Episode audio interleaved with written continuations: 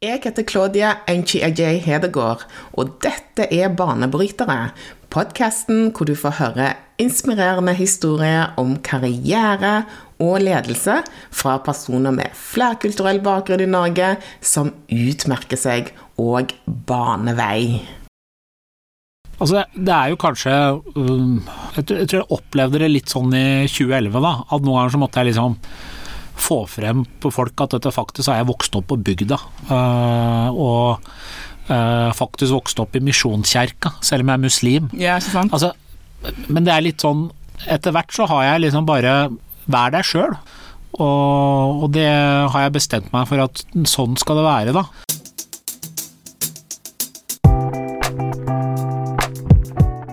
Ukas gjest har lang fartstid i politikken og er en banebryter eh, i ordets betydning. Masud Gharahkhani er Norges stortingspresident og er nummer to i rang i landet, nest etter kongen. Han representerer Arbeiderpartiet på Stortinget og har tidligere vært gruppeleder for partiet i Drammen bystyre. Han har òg vært ordførerkandidat og ledet Arbeiderpartiets migrasjonsutvalg, som leverte sin innstilling høsten 2018. Han er utdannet radiograf og jobber tidligere på Blefjell sykehus.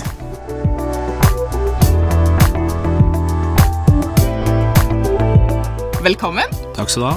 Veldig kjekt å ha deg eh, med i dag. Og jeg gleder meg til å snakke med deg, for jeg har veldig veldig mye jeg har lyst til å snakke med deg om.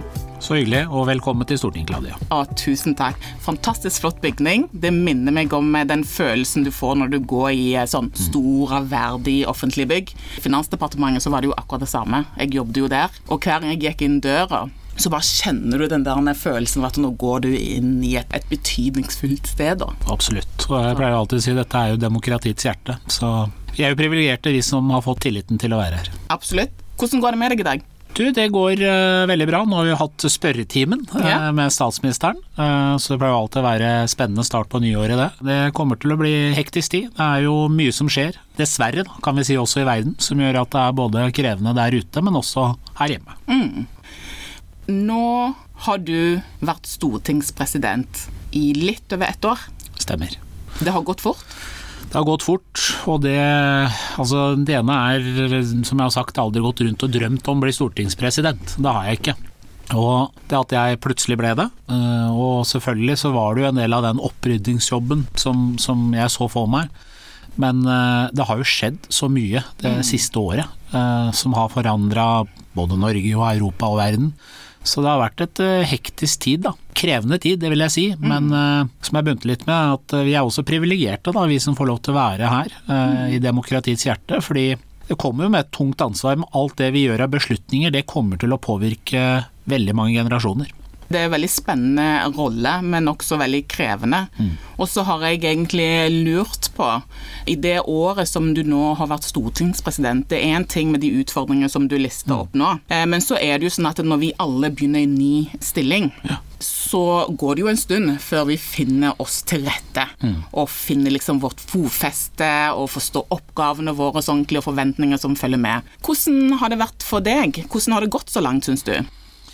Ja, altså Det kan jo sikkert mange andre dømme enn meg sjøl, men eh, det er ingen tvil om det at eh, Jeg husker jeg begynte å liksom lese meg litt opp på liksom dette med stortingspresident og rolle.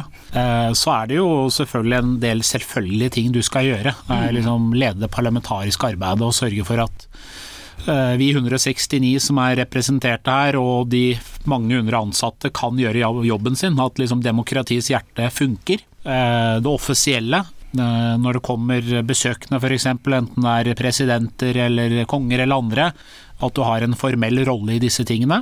Men eh, så lærte jeg også da ganske raskt at det hadde jo vært mange andre stortingspresidenter, og alle hadde litt sånn ulike måter å gjøre ting på. Eh, Jeg visste bl.a. ikke at Einar Gerhardsen også hadde vært stortingspresident. Og han var jo Nei. eh, Alle liksom er jo liksom landsfaderen og statsminister, ikke sant. Eh, Og han var jo til og med både eh, stortingspresident og parlamentarisk leder for Arbeiderpartiet samtidig. Det hadde ikke skjedd. Men i hvert fall så skjønte jeg liksom de formelle oppgavene jeg har, ganske raskt. Og jeg sier jo at uh, i alle arbeidsplasser jeg har vært på, er at du får jo aldri resultater hvis du ikke jobber i team. Og det gjør jo jeg. Jeg har jo et presidentskap som vi er mange som vi jobber sammen. Uh, og ikke minst sammen med alle parlamentariske ledere. Da. Så det er viktig. Men så er det også et rom for å definere rollen litt sjøl. Og for meg så var det viktig dette med frivillighet. Alltid vært noe jeg har vært opptatt av. Selvfølgelig fordi når jeg også sjøl kom til Norge som flyktning mm. sammen med mor og far, da var jeg fem år, så vet jeg at hadde det ikke vært for mange frivillige, så hadde ikke vi klart oss så mm. bra som vi gjorde. Så Det siste året så har jeg besøkt frivillige i hele landet, og der er ikke jeg viktig. Når jeg kommer dit, så er jo de veldig kry over at stortingspresidenten kommer. Men det er jo for å vise fram alle de ildsjelene som vi mm. kanskje ikke ser i avisa, men som gjør så utrolig mye. Eh, og det fins mange mennesker her ute som faktisk har sørga for at eh, menneskeliv eh, har det gått bra med. At du kunne ha fått fatale konsekvenser hvis det ikke var et slikt frivillig tilbud. Og så må jeg si da at uh, en av de første talene jeg holdt når jeg ble introdusert da, som kandidat for mitt parti da, til å bli stortingspresident, er at, at jeg syns liksom noen ganger så tar vi frihet og demokrati for gitt. Ja. Uh, men jeg tror liksom de av oss da, som kanskje er født i et helt annet land, født inn i en mislykka revolusjon eller et land som har vært i krig, så vet vi at det ikke er en selvfølgelighet. Men krigen i Ukraina har gjort også at dette har kommet nært på oss alle sammen. Så jeg har jo også reist landet rundt og besøkt videregående skoler. Møtt mm. unge mennesker. Jeg sier at det er dere som skal ta vare på demokratiet, da må dere delta. Så det er temaet jeg har engasjert meg i da. Ja, ikke sant. Når det gjelder det å omstille deg inn i en så viktig og sentral eh, rolle mm. eh, innen det norske demokratiet, hvordan er det du prosesserte det? Så jeg tror jo egentlig alle oppgavene jeg har hatt, da, så er jo Når jeg hadde de samtalene med partiet mitt eh, før det blei sånn formelt at de ville foreslå meg, så hadde jo jeg gjort meg noen tanker eh, på liksom hva forventes nå eh, i en slik rolle. og da var det ikke minst denne opprydningsjobben. Så hadde gjort meg noen tanker, men det var jo viktig for meg å forankre at vi var enige i presidentskap og med de parlamentariske lederne. Så hadde jeg gjort liksom noen sånne tanker på forhånd, og det er jo viktig. Så sier jeg alltid også at du må jo være deg sjøl. Eh, det er jo viktig. Du kan ikke være noen andre enn deg sjøl. Så det har jeg prøvd på å være, eh, og det føler jeg at jeg er. Eh, og mange av de temaene som, som jeg ønsket å engasjere meg i, har kanskje også blitt ekstra aktuelt da, det mm. siste året. Ja. Men fikk du sove om nettene? Da du fikk endelig Yes, nå er du stortingspresident. Ja, altså det er sånn noen, altså i hvert fall de som jobber tett med meg, vet at jeg sover veldig lite. Så ja. det er lite søvn i utgangspunktet. Ja. Eh, jeg står opp klokka fem om morgenen hver dag nesten. Ja. Å, herlighet. Er du eh, ja. ja, jeg er litt sånn. Eh, men jeg kan legge meg tidlig òg, da. Det er jo sagt. Men jeg har slutta å sende meldinger og nå sender jeg mail klokka fem om morgenen til mine medarbeidere. Jeg venter litt sånn at de Ja, venter til de våkner for å få svar. ja. Så, da, så er det liksom før fem så er det mail, og så begynner det å nærme seg SMS når det er sju. Nei da. Men selvfølgelig, altså det, er jo, det er jo et tungt ansvar, og det var det. Og så jeg sier da, altså man jobber jo i et team, og det er jo det det handler om. Og da får man til også resultater i felt. Hvor stort er teamet ditt? Altså de som er nærmest deg, som uh, gjør deg god? Du, det ene er jo selvfølgelig sant, de, Vi har en stortingspresident i Norge, men vi har også visepresidenter. Så vi jobber jo i team. Så det er jo som mm. et styre som uh, møtes i hvert fall en gang i uka, uh, hvor vi blir enige om prosesser sammen. Så er det jo slik at Stortinget er jo veldig annerledes enn mange andre arbeidsplasser. Det er ulike politiske partier. Så for meg så har det også vært viktig å ha jevnlige møter med de parlamentariske lederne. Dvs. Si at det er de som da leder de ulike partigruppene, slik at de får diskutert og er enige om de beslutningene vi gjør. Og så har vi jo mange dyktige medarbeidere her, som også er med på å spille meg god. Så det at jeg har fått muligheten til å reise Norge rundt og besøke mange frivillige, eh, videregående skoler. Eh, mange bra folk som bidrar til det. Så jeg er jo heldig, da. Og det er det jeg sier, det er et stort team. Som sagt, uansett hvilken arbeidsplass du er på, så får du aldri resultatet ved å være solo. Eh, mm. Det er eh, team som gjør at du får til resultater, enten det er i politikken eller det er virksomhetsarbeidsplass. Mm. Men hvordan er du som leder, da? Eh, som leder så er det slik at jeg er jo opptatt av å lytte. Uh, involvere folk, uh, for jeg tror det er da du får til gode resultater. Så er jeg en sånn utålmodig type. Jeg tror liksom ja. alle som har jobba med meg vet at jeg kan være utålmodig. Hmm. Derfor så liker jeg også alltid å ha folk rundt meg som kan si fra til Masud uh, ja, men kanskje vi må gjøre litt sånn og sånn.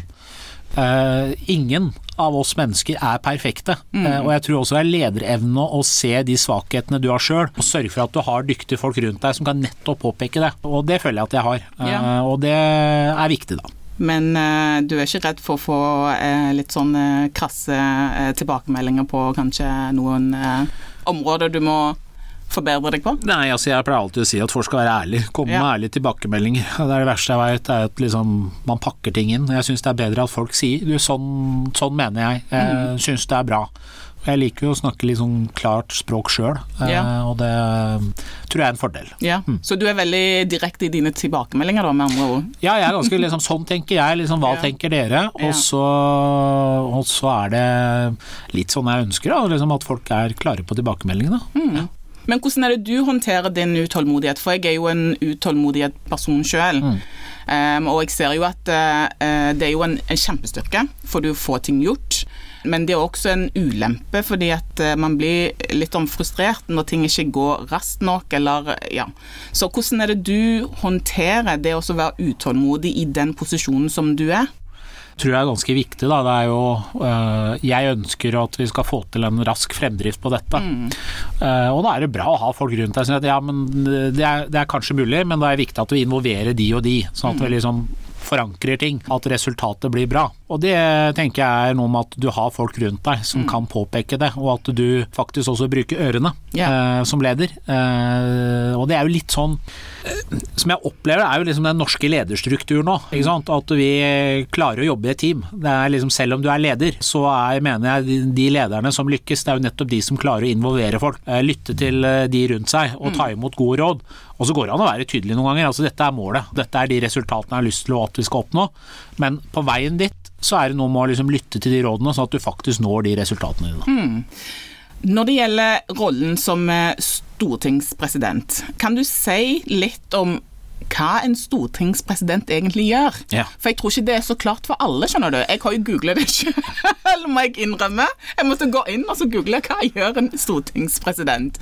Men veldig fint hvis du kan gi en Absolutt. sånn ja. Altså, det er jo litt sånn mange steder jeg kommer, så uh, syns de det alltid er eh, artig da, å påpeke at eh, etter kongen så er det stortingspresidenten, ikke sant? for det er en del av det formelle, offisielle. da. Men jeg kan si at uh, viktigste jobben en stortingspresident har, er jo å sørge for at det parlamentariske arbeidet, altså at Stortinget, som er demokratiets hjerte, faktisk funker. At vi holder hjulene i gang. Og det betyr jo at, uh, som jeg nevnte, mine 169, altså vi er 169 stortingsrepresentanter, og de mange hundre ansatte som er her, som skal sørge for at vedtakene blir gjort faktisk eh, får gjort jobben sin. Det handler også om kontakt med regjeringen. ikke sant? I Norge så er det jo uh, regjeringa kommer med forslag, Stortinget kommer med forslag. Så skal vi sørge for at det blir vedtatt, ting gjøres i riktig rekkefølge. Uh, og det er ingen tvil om det at under pandemien, og det vi ser også nå, Eksempelet er jo ulike kompensasjonspakker vi gjør. Mm. så må jo alle disse demokratiske leddene snakke sammen, sånn at vi faktisk klarer å hjelpe folk i en vanskelig situasjon. Og så er du da en del av det offisielle. Uh, det betyr at kommer det internasjonale besøk til Norge, så er de jo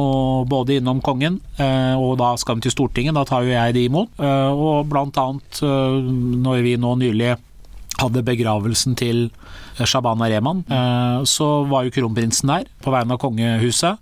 Jeg var der på vegne av Stortinget, og så er det da regjeringsmedlemmer. Det er jo en del av den offisielle oppgaven også. Og i tillegg til alt dette, da, som selvfølgelig tar mye tid, og som er prioriteten, har det også et rom for å definere rollene sjøl. Hvis vi holder oss til det temaet der eh, når det gjelder stortingspresidentrollen, eh, så for meg så har det alltid vært litt sånn fjernt og mystisk eh, rolle. Litt sånn usynlig. Jeg har ikke hørt så mye om det. Så det var først når du ble stortingspresident at jeg begynte å følge med. For du er mer åpen, du er, sånn som du sier, du har vært der ute og, og connecter med folk. Og så er liksom mitt spørsmål var det veldig bevisst, eller er det bare sånn du er? Jeg tror det er en kombinasjon av egentlig det du sa. Det er både Ja. at hvordan jeg er, da, men også at jeg eh, ønsket da, å bruke rollen min til å få fram at årsaken til at vi i Norge funker, er jo nettopp pga. at vi har demokratiet, velferdsstaten. eh, Og at det er de verdiene må vi liksom ikke ta som en selvfølgelighet. Altså Skal vi ta vare på demokratiet, så må jo folk engasjere seg. De må delta i det. Uh, og uh, som jeg nevnte, så for en del av oss da, som, som, ikke er født inn i det, så er vi utrolig heldige at vi bor i et land som har de verdiene. Og da har jeg liksom brukt hver eneste anledning jeg har eh, til å nettopp snakke om det. Altså Har jeg hatt møte med frivilligheten, så sier jeg det at eh, frivilligheten har jo ikke bare en betydning for at man faktisk redder liv. Man sørger for at folk får gleder i hverdagen, mestrer livet. Men det er også en annen effekt er at folk som blir en del av fellesskapet, har også større sjanse for at de faktisk bruker stemmeretten sin, deltar i den offentligheten. Når jeg kommer til videregående skoler og møter de, eh, så sier jeg at det er dere som skal sørge for at vi også er et av verdens beste land å bo i. Da må demokratiet funke også i framtida. Delta i det, engasjer dere i det. Og det er jo noe jeg har brukt rollen min til i alle anledninger eh, jeg har fått. da. Mm som jeg sa, jeg er i hvert fall blitt mye mer bevisst på denne mm. rollen enn det jeg noen gang har vært tidligere. Ja. så det, jeg syns det er kjempebra. Så du gjør jo en god jobb sånn sett, da. Det er hyggelig å høre. Men uh, du representerer jo noe unikt, og du er en banebryter i ordets betydning. Mm. mm du har en uh, utenlandsk bakgrunn. Hvordan tenker du at din annerledeshet er en fordel i denne rollen her? Jeg tror i hvert fall at jeg har med meg en historie og bagasje, da som gjør at noe av det jeg opplever eh, er, ofte, er at etter hvert som du har vært veldig mye i offentligheten, så er det jo veldig mange mennesker som kjenner deg igjen. Eh, mm. det er vanskelig å være anonym lenger. Mm. Men eh, jeg opplever at jeg møter mennesker eh, som ikke jeg kjenner, som bare kommer bort til meg, og så gir de meg en klem. Og så sier de to ting. Det er liksom takk for at du er som du er. Og det andre er takk for at du minner oss om at vi aldri må ta de verdiene vi har for gitt. Så det er jo noe med at den bagasjen jeg har med meg, og den historien jeg har med meg, eh, som jeg også har snakket om hele veien, eh, og liksom husk på det, altså i Norge så må vi stå opp for frihet, vi må stå opp for demokrati, vi må stå opp for likestilling, eh, gjør jo, i tillegg til at kanskje den tida vi er i nå, hvor vi ser en stor krig i Europa hvor demokratiet er uh, i fare, og det er de verdiene vi skal stå opp for, ikke bare i vårt land, men også i Europa, at disse tingene kommer tettere på. da. Uh, og dermed så gjør det også større inntrykk på folk. Når det gjelder din uh, profesjonelle reise, mm. du er jo utdannet radiograf. Mm. Og fra det til å bli stortingspresident, hva har egentlig skjedd imellom der? Kan du si litt om den uh, veien uh, hit? Jeg vet den er lang, men du kan i hvert fall Jeg skal prøve å ta kortutgaven. Nei, men altså når det gjelder radiograf, da, så var det jo sånn altså jeg vokste opp i en familie hvor liksom for mine foreldre så var det sånn at du må ta høyere utdanning, og så kan du drive med hva du vil etterpå. Og rett og slett fordi så var altså Det var en sånn pakt jeg og mine foreldre hadde. Og for dem så var det veldig viktig. Til og med jeg husker jeg hadde lyst til å bli kokk, det var uaktuelt. Eh, og hvorfor det, bare for å ha sagt det, er jo fordi noe av det første som stengte ned etter at revolusjonen i Iran skjedde i 1979, var jo da universitetene. Eh, og det var, jo, det var, jo, noe av nettopp det mine foreldre drømte om å ta. Så når vi liksom kom til Norge, så var det sånn Her skal du ta høyere utdanning. Eh, og på den tida der så fantes det ikke Google, eh, så jeg husker vi fikk en sånn eh, hefte ikke sant, på dette er yrkene som man kan studere til å bli. Og så bladde jeg litt, så fant jeg ut å ja, radiograf, det var liksom halvparten sykepleier og halvparten teknologi. Mm. Og så valgte jeg det. Og det angrer jeg ikke på i hele tatt. Uh, utrolig takknemlig for at jeg ble radiograf og fikk jobbet en del år på sykehuset, både på Rjukan og, og, Kongsberg. da. Så var det jo sånn at jeg har jo alltid vært litt sånn politisk nerd, det har jeg lyst til å si. Uh, og mens jeg studerte da til å bli uh, radiograf, så hadde jeg seks ukers praksis på Elverum, for jeg studerte på Høgskolen i Gjøvik. Og så tenkte jeg hva i all verden skal jeg finne på Elverum, for jeg hadde jo ikke så mange venner der, jeg kjente jo nesten ingen der. Og da plutselig så fant jeg ut at det var noe som het uh, Løiten Brenneri. Okay. Og jeg dro ikke dit for å kjøpe brennevin, uh, men jeg fant ut at det var et sånn loftsbibliotek uh, der, da, som også solgte bøker. Og der fant jeg noen bøker av Einar Gerhardsen. Ja. Og så begynte jeg å lese. Fordi noe jeg alltid har vært opptatt av, er at det landet jeg er født i, Iran, da, har også enorme oljeressurser som Norge. Hvorfor er det så forskjellig? Og da skjønte jeg at det handler jo nå om både demokratiet, velferdsstaten, samfunnsmodellen. Så det var liksom det som gjorde at jeg eh, Og da, sant, som jeg nevnte, mamma og pappa var sånn, eller spesielt mamma, da. Det er hun som er, hun som er, hun, hun som er sjefen. Det høres ut som mora mi. Det, er litt sånn, det er hun som er sjefen. Pappa har alltid vært kamerat, mamma har vært disiplin og sjefen. Og da meldte jeg meg da inn i AUF da, for min del siste året på høyskolen, og så sa jeg at du, nå har jeg lyst til å bli aktiv. Og så tok det bare en ukes tid, så ble jeg tatt kontakt med, og da starta min reise da i politikken. Så etter noen år som radiograf så fikk jeg et eh, jobbtilbud i LO, og jobba der en ni måneders tid. Eh, glad for det, for det er også en viktig del av den samfunnsmodellen vi har i Norge med LO, NHO og partssamarbeid som gjør at norsk arbeidsliv funker. Og så ringte en fyr som heter Martin Kolberg meg mm. og sa at nå må du jobbe, begynne å jobbe i Arbeiderpartiet. Så sa jeg men Martin, jeg har jo akkurat begynt i LO. Det er ikke et år ennå. Så sa han men det går bra, jeg har snakka med sjefen din, så de vet det. At du skal begynne her. Sånn var det. Og da blei jeg da i politikken, da. Og så var jeg jo en del år eh, i bystyret i Drammen, da.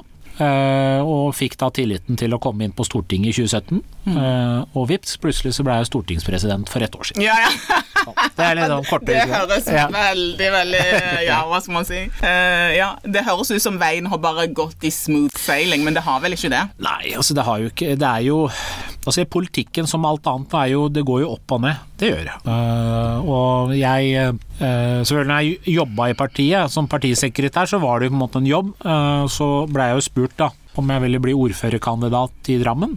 Uh, og etter litt tenke på det, så sa jeg ja til det. Og det hadde jeg virkelig lyst til å bli. Og hadde jeg blitt ordfører, så hadde jeg nok vært der og ikke blitt stortingspresident, det er jeg ganske sikker på. Men uh, jeg var jo med på å tape et valg. og selv om jeg ikke blei ordfører andre gangen jeg stilte, så jeg jo det at liksom Det er jo litt det å som livet ellers, det går opp og ned. Men du må liksom lære av de tingene du kanskje burde ha gjort bedre. Eh, og så må du stå på. Eh, og det var ikke langt unna at jeg ble ordfører i Drammen eh, siste gang jeg stilte. men, men, det ga meg mye lærdom, da. Og så fikk jeg da tilliten da, til å stå på lista og komme inn her i Stortinget i 2017. Ja, ikke sant. Det høres ut som en spennende og interessant reise. Fordi vi vet jo at karriere er jo ikke lineært. Så det går jo liksom i sikksakk, og så ender man eh, av og til et sted som kanskje skyldes tilfeldighet, kanskje skyldes litt flaks, kanskje skyldes dyktighet. Ja, men jeg har lyst til å si, altså, jeg tror liksom sånn for, for min del, liksom når jeg meldte meg inn i uh, eh, AUF, så liksom hadde ikke jeg sett for meg at jeg skulle bli ordførerkandidat eller stortingsrepresentant eller stortingspresident. Det var litt fordi jeg hadde et engasjement og hadde lyst, liksom, lyst til å bidra. Eh, men så gjorde jo bare den reisen at jeg fikk mer og mer tillit, da. Men eh, selvfølgelig, jeg husker jo når jeg i 2011 stilte som ordførerkandidat i Drammen, så hadde jo jeg en lyst til å snakke om politikken. Mm. Altså eldreomsorg, boligpolitikk. Men så opplevde jeg jo så jeg må jo si det, jeg tror ikke alle andre hadde det vært en uh, hvit person som het Martin Kolberg, og ikke den jeg er, mm. som het Masud Arkani, uh, som gjorde også at jeg fikk spørsmål om andre ting enn en det det handla om om politikken. Uh, og kanskje det var også sånn at ikke alle kjente deg, så mm. man var litt sånn skeptisk, liksom. Men så merka jeg sant, ved at jeg ikke ga opp, selv om jeg tapte et valg. Jeg fortsatte å gjøre som jeg alltid er, og det er å møte folk. Være på ulike arenaer, møte dem der de er, snakke med dem på arbeidsplassen eller frivillige organisasjoner. Så når vi hadde valget i 2017, da, som skulle være et valg hvor Arbeiderpartiet 100% nesten skulle da komme i regjering, og sånn gikk det ikke. Så at meningsmålingene gikk bare én vei, det var dessverre nedover. Og jeg sto på tredjeplass, som skulle være en sikker plass, da. Plutselig så så vi i løpet av valgkampen oi, det var ikke en sikker plass lenger. Men takket være at den innsatsen jeg hadde gjort i Drammen, og at Drammens innbyggere kjente meg så godt, så gjorde det at vi gjorde et veldig godt valgresultat i Drammen kontra mange andre steder. Og det var, tror jeg var liksom under 2000 stemmer, ja, takket være Drammen, hjembyen min, som redda at jeg kom inn i 2017. Så det har jo noe med sant, at uh, det å komme tett på folk, uh, snakke med folk, bygge opp tillit. Det kan ta litt tid, og det, mm. du kan kanskje møte på noen andre barrierer hvis du er eh, hvis du heter Masud eller Claudia, da, ja. som, som ja. har de bakgrunnene vi har, enn mm. andre. Eh, men stå på. Uh, vis at uh, du kan lykkes, mm. uh, og, og, så kan man få til resultater. Ja. Det, du sier der syns jeg er kjempeinteressant, for det er jo noe som jeg tror mange kjenner på. jeg har jo kjent på det sjøl, at jeg har hatt roller hvor det kanskje ikke har vært forventet at det skulle være en person som meg som sitter i de rollene, eller sitter rundt det bordet. og da har jeg kanskje følt en ekstra hva skal man si, forventning, eller forventning forventningspress om også å være på en viss måte. Være flinkere, være blidere, være hyggeligere. Altså Den der følelsen der har jeg kjent på. Eh, har du kjent på det? Altså, det er jo kanskje um, Jeg tror jeg opplevde det litt sånn i 2011, da. At noen ganger så måtte jeg liksom få frem på folk at dette faktisk har jeg vokst opp på bygda. Mm. Uh, og uh, faktisk vokst opp i misjonskjerka, selv om jeg er muslim. Ja, ikke sant? Altså, men det er litt sånn etter hvert så har jeg liksom bare Vær deg sjøl. Og, det har jeg bestemt meg for at sånn skal det være, da. Og nå opplever jeg jo det, og nå er jeg jo i tillegg til å reist landet rundt, så har jeg vært på en del sånn bokbad, for jeg ga ut en bok for ikke så lenge siden. Og jeg merker at mange steder jeg kommer, så Selvfølgelig, det er jo en del folk fra Arbeiderpartiet der, men det er også folk fra andre partier der som liksom sier rett ut at jeg stemmer ikke på deg, men jeg synes liksom jeg heier skikkelig på deg. Og så hører jeg folk som sier at jeg var litt skeptisk når du ble stortingspresident, eh, men uh, uh, tusen takk for den jobben du gjør i dag. Og, sånn, det er sånn og det er, som jeg sier, ofte så opplever man kanskje en del andre barrierer, da. Så det er én side av det. At alltid når du kommer Når du blir kjent med et menneske, så bygger du ned en del sånne barrierer. Altså bare for å nevne et eksempel. Jeg husker når jeg studerte til å bli radiograf. Så begynte jeg å søke på jobb, og så var jeg inne på et jobbintervju, telefonselgerjobb. Og så fikk jeg et spørsmål, husker jeg intervjuet. Det var sånn har du noen innvandrervenner? Og så tenkte jeg jøss, hva slags spørsmål er det? Og jeg hadde jo egentlig ikke det, for jeg hadde vokst opp på bygda, liksom. Eh, bortsett fra familien, da, så hadde jeg ikke det. Så jeg sa nei, og så Eh, men jeg så jo ikke og Det er litt vanskelig å si helt 100% hvorfor jeg fikk det spørsmålet, men jeg merka at jeg var nok den første, blant de første innvandrere som fikk jobb der. Men etter hvert så ser jeg at det ble flere og flere. For det har jo liksom noe med at når du kanskje blir kjent med noe Så det er, det er litt sånn den dessverre verden noen ganger er. At når du kommer tettere på og blir kjent, ok. Eh, som alt annet i livet så er det gode og dårlige mennesker, uansett hudfarge. Eh, men så har det andre sider, da, som er dette med hatefulle ytringer og hets. Det er liksom aldri akseptert akseptabelt. Eh, og dessverre så er det jo litt sånn at kvinner opplever mer hets kun pga. at det er kvinner, ikke pga. Mm. hva man sier politisk. Mm. Eh, de med minoritetsbakgrunn opplever hets enten at du aldri er god nok, ikke sant. Eh, eller det kan også være fra andre som mener at å ja, nå har du blitt litt for norsk. Mm. Og så du får liksom den helheten. Yeah.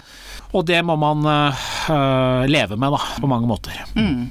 Veldig interessant uavhengig av, eh, av, eh, hvor man kom ifra, så, så, er jeg egentlig nysgjerrig på om du fikk vite hvorfor du, akkurat du, fikk eh, denne gjeve stillingen som stortingspresident. Det var jo mange omstendigheter som gjorde at man måtte plutselig begynne å tenke rundt at man måtte ha en ny stortingspresident. ikke sant? Og jeg tror jo for Eh, mitt parti så uh, handlet jo både om at det var noen som hadde lyst, uh, så jeg måtte jo ha noen runder med meg sjøl og familien. Det er jo en sånn altoppslukende jobb, det er det jo. Men som jeg sier, jeg vet at sånne oppgaver har du på lånt tid og da må du prøve å gjøre det beste ut av det. Det betyr også at du må ofre mye på familielivssida. Altså, du skulle gjerne vært med på den fotballtreninga eller fotballkampen, men så mm. dukker det opp noe du, må, du, er nødt til å gjøre. Sånn er litt den rollen du har. Og så tror jeg det handlet litt om at eh, jeg hadde vært med på andre prosesser før, eh, som hadde vært tøft og vanskelig, men som man måtte igjennom. Fordi man trengte en opprydning på noe. Eh, og man tenkte at man klarer klare å håndtere håndtere kanskje det, mm. uh, i, i, det vi måtte gjøre her på Stortinget etter alle de uh, sakene vi hadde hatt da. Mm. Spennende. Mm. Kunne du sagt nei til stillingen? For du måtte jo tenke. Så ja, altså, du ta liksom eh, for eller imot. Kunne du sagt nei? altså når jeg fikk, fikk den samtalen så og hadde en runde, og hadde en runde med bare noen close folk, så mm. kom jeg fram til at dette har jeg virkelig lyst til. Jeg er jo privilegert. Derfor sa jeg ja, og jeg angrer ikke et sekund for at jeg gjorde det. Jeg syns jeg har uh, verdens beste jobb. Å, fantastisk. Mm. Mitt inntrykk er at eh, det blåser hardt i politikken. Mm. Det har vi jo uh, altså med tanke på medieeksponering, diverse meninger. Vi har jo flere eksempler på hvor brutalt det kan være. Tror du at det skremmer unge eh, folk fra å gå inn i politikken og, og se på det som en reell eh, karrierevei? Jeg tror i hvert fall at uh, for noen så vet jeg det. Altså, jeg har jo hørt av en del unge mennesker jeg har snakka med at de syns liksom det kan oppleves som at det har blitt veldig krevende. Men det er jo liksom noe med hele altså, sånn, Når vi vokste opp, så var det ikke noe som het Facebook og sosiale medier, og du kunne dra på en hjemmefest på bygda jeg føler meg så gammel ja, når du ser det på den måten. jo, men altså, uten at det liksom havna på Facebook etterpå. Ja. Så, så det er, men det er litt den verden vi er i, selvfølgelig. Uh, men samtidig da, så har jeg lyst til å si sant, altså, fordelen med det norske demokratiet er jo at den er bygd opp av tillit. Det betyr at det skal vi som politikere her på Stortinget, eller uansett hvilken demokratisk institusjon du er med, det skal du tenke gjennom. Det er det som gjør at Norge funker. Og det er derfor skal det være helt legitimt å stille spørsmålstegn med ordninger vi har, om ting har vært riktig. Og vi har et ansvar å rydde opp når det ikke har vært ting som har vært riktig. Mm. Sånn er det i tillitssamfunnet Norge. Men det som er det også unike i Norge, er at de 169 som er representert på Stortinget, det kan faktisk være slik at det er en flyktning som vokste opp på bygda i Skotselva, som blir stortingspresident. Eh, og i stortingssalen så finner du sykepleiere, du finner helt sikkert bedriftsledere, du finner eh, lærere, eh, og du finner liksom hele samfunnet, hele landet. Ulike inntektsgrupper. Og det er jo det unike med det norske demokratiet, og det er viktig å ta vare på. Og unge mennesker og godt voksne mennesker. Og det er jo viktig fordi representasjon har jo en betydning på hvordan politiske beslutninger blir. Dessverre så ser du i noen land at det ofte er eliter, og selv om det er ulike politiske partier, så kan nesten alle komme fra samme universitetet. Eh, det bidrar ikke til representasjon og et tillitssamfunn. Og det er verdier vi må ta vare på i Norge i tida fremover. Og derfor så sier jeg det at en viktig oppgave også når vi ser på ulike ordninger vi har på Stortinget, er å sørge for at uansett hvor landet du kommer fra, uansett bakgrunn, så skal du ha muligheten til å bli representant. Det har jo en viktig betydning for at også de politiske beslutningene eh, treffer hele befolkningen. Men hva råd ville du gitt personer som sitter nå og tenker tør jeg? Ja. Tør jeg virkelig å gå inn i politikken? Hva ville du sagt? Sånn, jeg merker jo liksom når jeg er ute på videregående skoler da, og snakker om demokratiet, så snakker jeg liksom om hvordan demokratiet er bygget opp. Og så uh, sier jeg kan jeg vil gjerne liksom én lovnad fra dere. Det er at når dere blir 18 år, bruk stemmerett. Og bare for å ha sagt det, da, Claudia, jeg opplever faktisk at de som er på videregående skole nå er, altså, Jeg var ikke like politisk oppdatert som de er nå. Og jeg tror jeg nå har noe med teknologiske verden å gjøre, at du følger med. Og mange krevende spørsmål du får. Eh, men det jeg også sier til de, det er at eh, La meg komme med en liten hemmelighet til dere. Du finner aldri et politisk parti hvor du er 100% enig med det partiet om alt. Mm. Det gjelder også meg. Det er jeg ganske sikker på gjelder alle vi 169 som sitter der. Men du finner helt sikkert ett parti du føler er nærmest hjertet ditt. Prøv det ut. Og jeg har venner uh, som jeg blei med når jeg blei med AUF. Noen var med i FBU, noen var med i Unge Høyre, uh, og noen selvfølgelig AUF, da, som jeg var med. Uh, og mange av de er ikke med i politikken i dag, sånn som jeg er, i den, i, gjennom de rollene jeg har. Men det alle de har sagt til meg, det er at den tida det lærte dem så utrolig mye, enten om de er sykepleiere i dag, er jurister eller jobber i næringslivet, at det var verdifull kunnskap som de hadde med seg. Eh, som gjør at de håndterer den rollen de har nå mye bedre. Så Det er en oppfordring jeg har, og, og i Norge så er det jo veldig enkelt å komme i kontakt med politikere. Noen, noen, tror at det er veldig vanskelig, men det er det jo ikke. Ja, jeg sitter jo her med deg. Du sitter her med meg. Eh, og det, er jo et godt eksempel. Ikke sant? Og det er liksom overrasker mange òg, at du kan faktisk ta opp telefonen og komme i kontakt. Ja. Eh, eller på videregående skole, liksom når de har en eller annen sak, at de faktisk har fått enkelt inngang til en ordfører. Eh, sånn er ikke alle land, men det er jo litt det som er fordelen Norge. At det er kort avstand mellom de som er folkevalgte og, og innbyggerne, og det skal vi ta vare på. Mm. Du var for så vidt litt inne på dette her med representasjon. Ja. Um, og dette er et viktig tema som jeg uh, gjerne ville høre dine tanker uh, rundt. da. Mm. For minoritetsbefolkningen i Norge jeg tror har bikket over én mill., mm. uh, så det er en ganske stor andel. Og så var det et studie som ble gjort av Tankesmien Agenda, som, som viste at det er lavt representasjon da, av personer med minoritetsbakgrunn i i eh, sentrale posisjoner i regjeringen. Eh, og så er det andre undersøkelser som har vist akkurat det samme. At det er lite representasjon av personer med flerkulturell bakgrunn som sitter i sentrale posisjoner, om det er privat næringsliv, akademia, media. Hvorfor tror du det er sånn?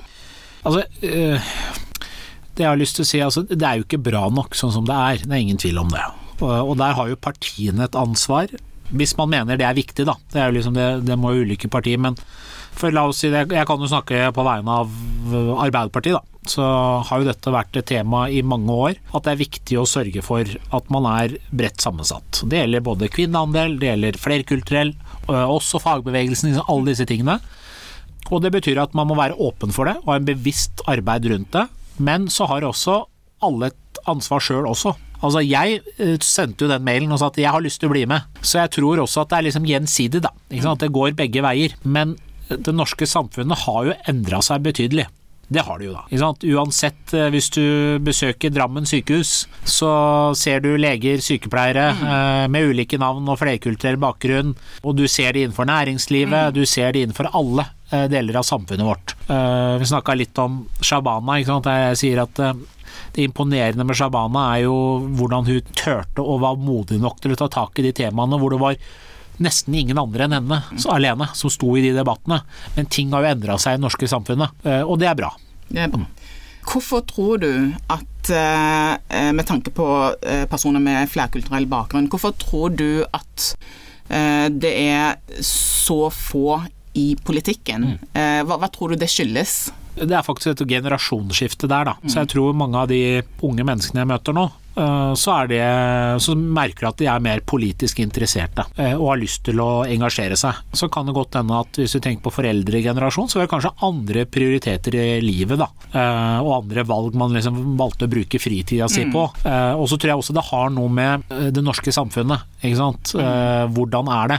Altså, min pappa starta jo i politikken før meg, og måten han blei med, var jo at han først blei med i frivilligheten, mm. og så så han hvor viktig det var å engasjere seg, og være med på liksom dele sin mening for lokalsamfunn mm. og, og, gjøre en forskjell, og så komme han over på politikken. Mens den generasjonen vi ser nå, unge mennesker, så, så tror jeg at man er mer samfunnsbevisst sånn sett at også politikk er viktig. da. Du kommer til å se store endringer, eh, og det ser du også i stortingssalen mm. i dag. Det er jo Veldig mange partier har folk med ulike flerkulturelle bakgrunn. Mm, jeg ser det. Jeg ser at samfunnet har endret seg mm. veldig mm. fra bare ti år siden. Absolutt. Det gjelder hvis du ser på TV, du ser på samfunnsdebatter, mm. du ser ulike demokratiske institusjoner, og, mm. og uansett hvor det er i samfunnet, så ser du at det har endra seg.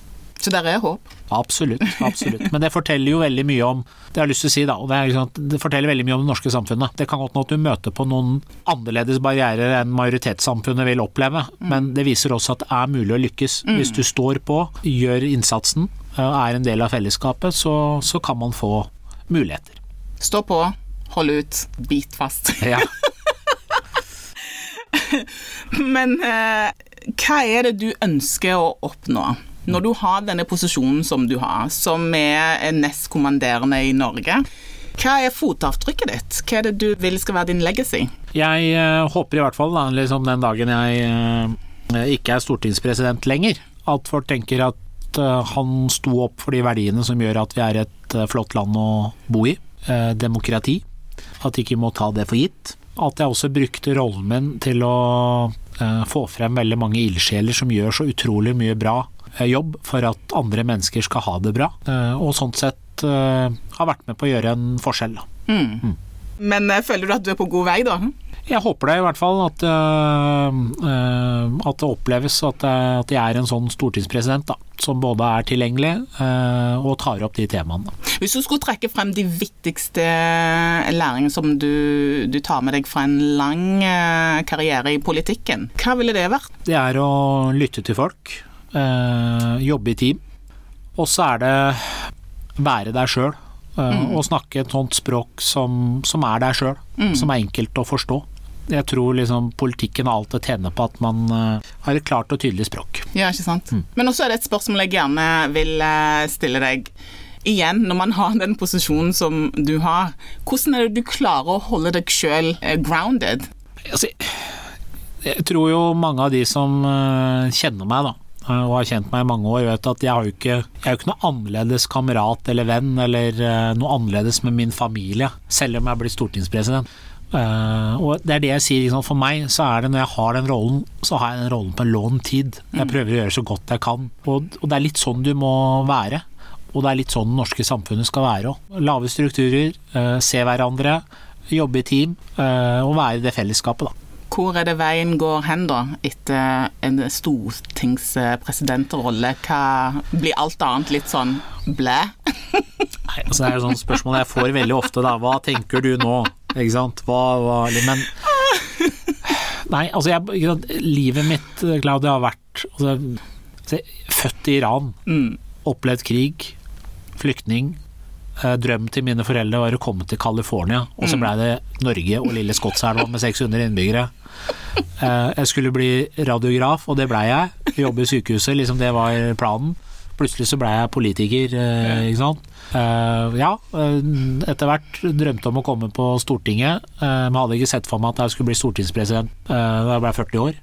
Men jeg har lyst til å si da, at liksom det, det, som virkelig driver meg, eh, som gjør at eh, jeg elsker jobben min, er jo å møte mennesker. Du opplever at du kan gjøre en forskjell. Jeg valgte å dra til Ukraina uh, i mai. For meg så var det jo viktig å få frem det at det de kjemper for i Ukraina, er jo de verdiene vi har i Norge, og derfor er det viktig at vi støtter opp om de. Uh, det å møte folk i ulike lokalsamfunn i Norge som gjør en veldig bra jobb, Så, så jeg liksom selv om jeg liksom opplever at det er en 24-7-jobb, Mm. uh, at det kan være krevende, du har lyst til å stille litt mer opp på hjemmebane, men så føler jeg at jobben tar mye tid, så, så er det dette med at du møter så mye bra folk, og du kan gjøre så stor forskjell, som er det som driver meg. Så at jeg i hvert fall har lyst til å jobbe med mennesker, det er klart. Men Mm. hva framtida bringer, det vet jeg ikke. Så kan det hende at vi ser deg eh, som en uh, CEO i, en, uh, i et stort eh, internasjonalt uh, selskap.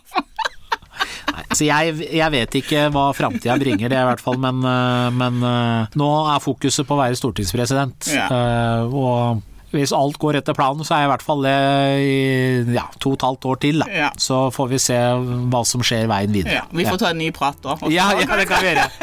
Det kan vi gjøre. Ja. Eh, Det Masud, blir kanskje en ny podkast sammen. det må vi gjøre. Det må vi gjøre. Eh, veien videre for. Masud. Det er Masud, ja. Masud. Tusen takk for praten. Jeg setter veldig stor pris for at du tok deg tid til dette her. Eh, veldig inspirerende. Og så ønsker jeg deg masse, masse, masse, masse, masse lykke til i din eh, fantastiske rolle som stortingspresident. Tusen takk, og du er også veldig bra. takk, takk.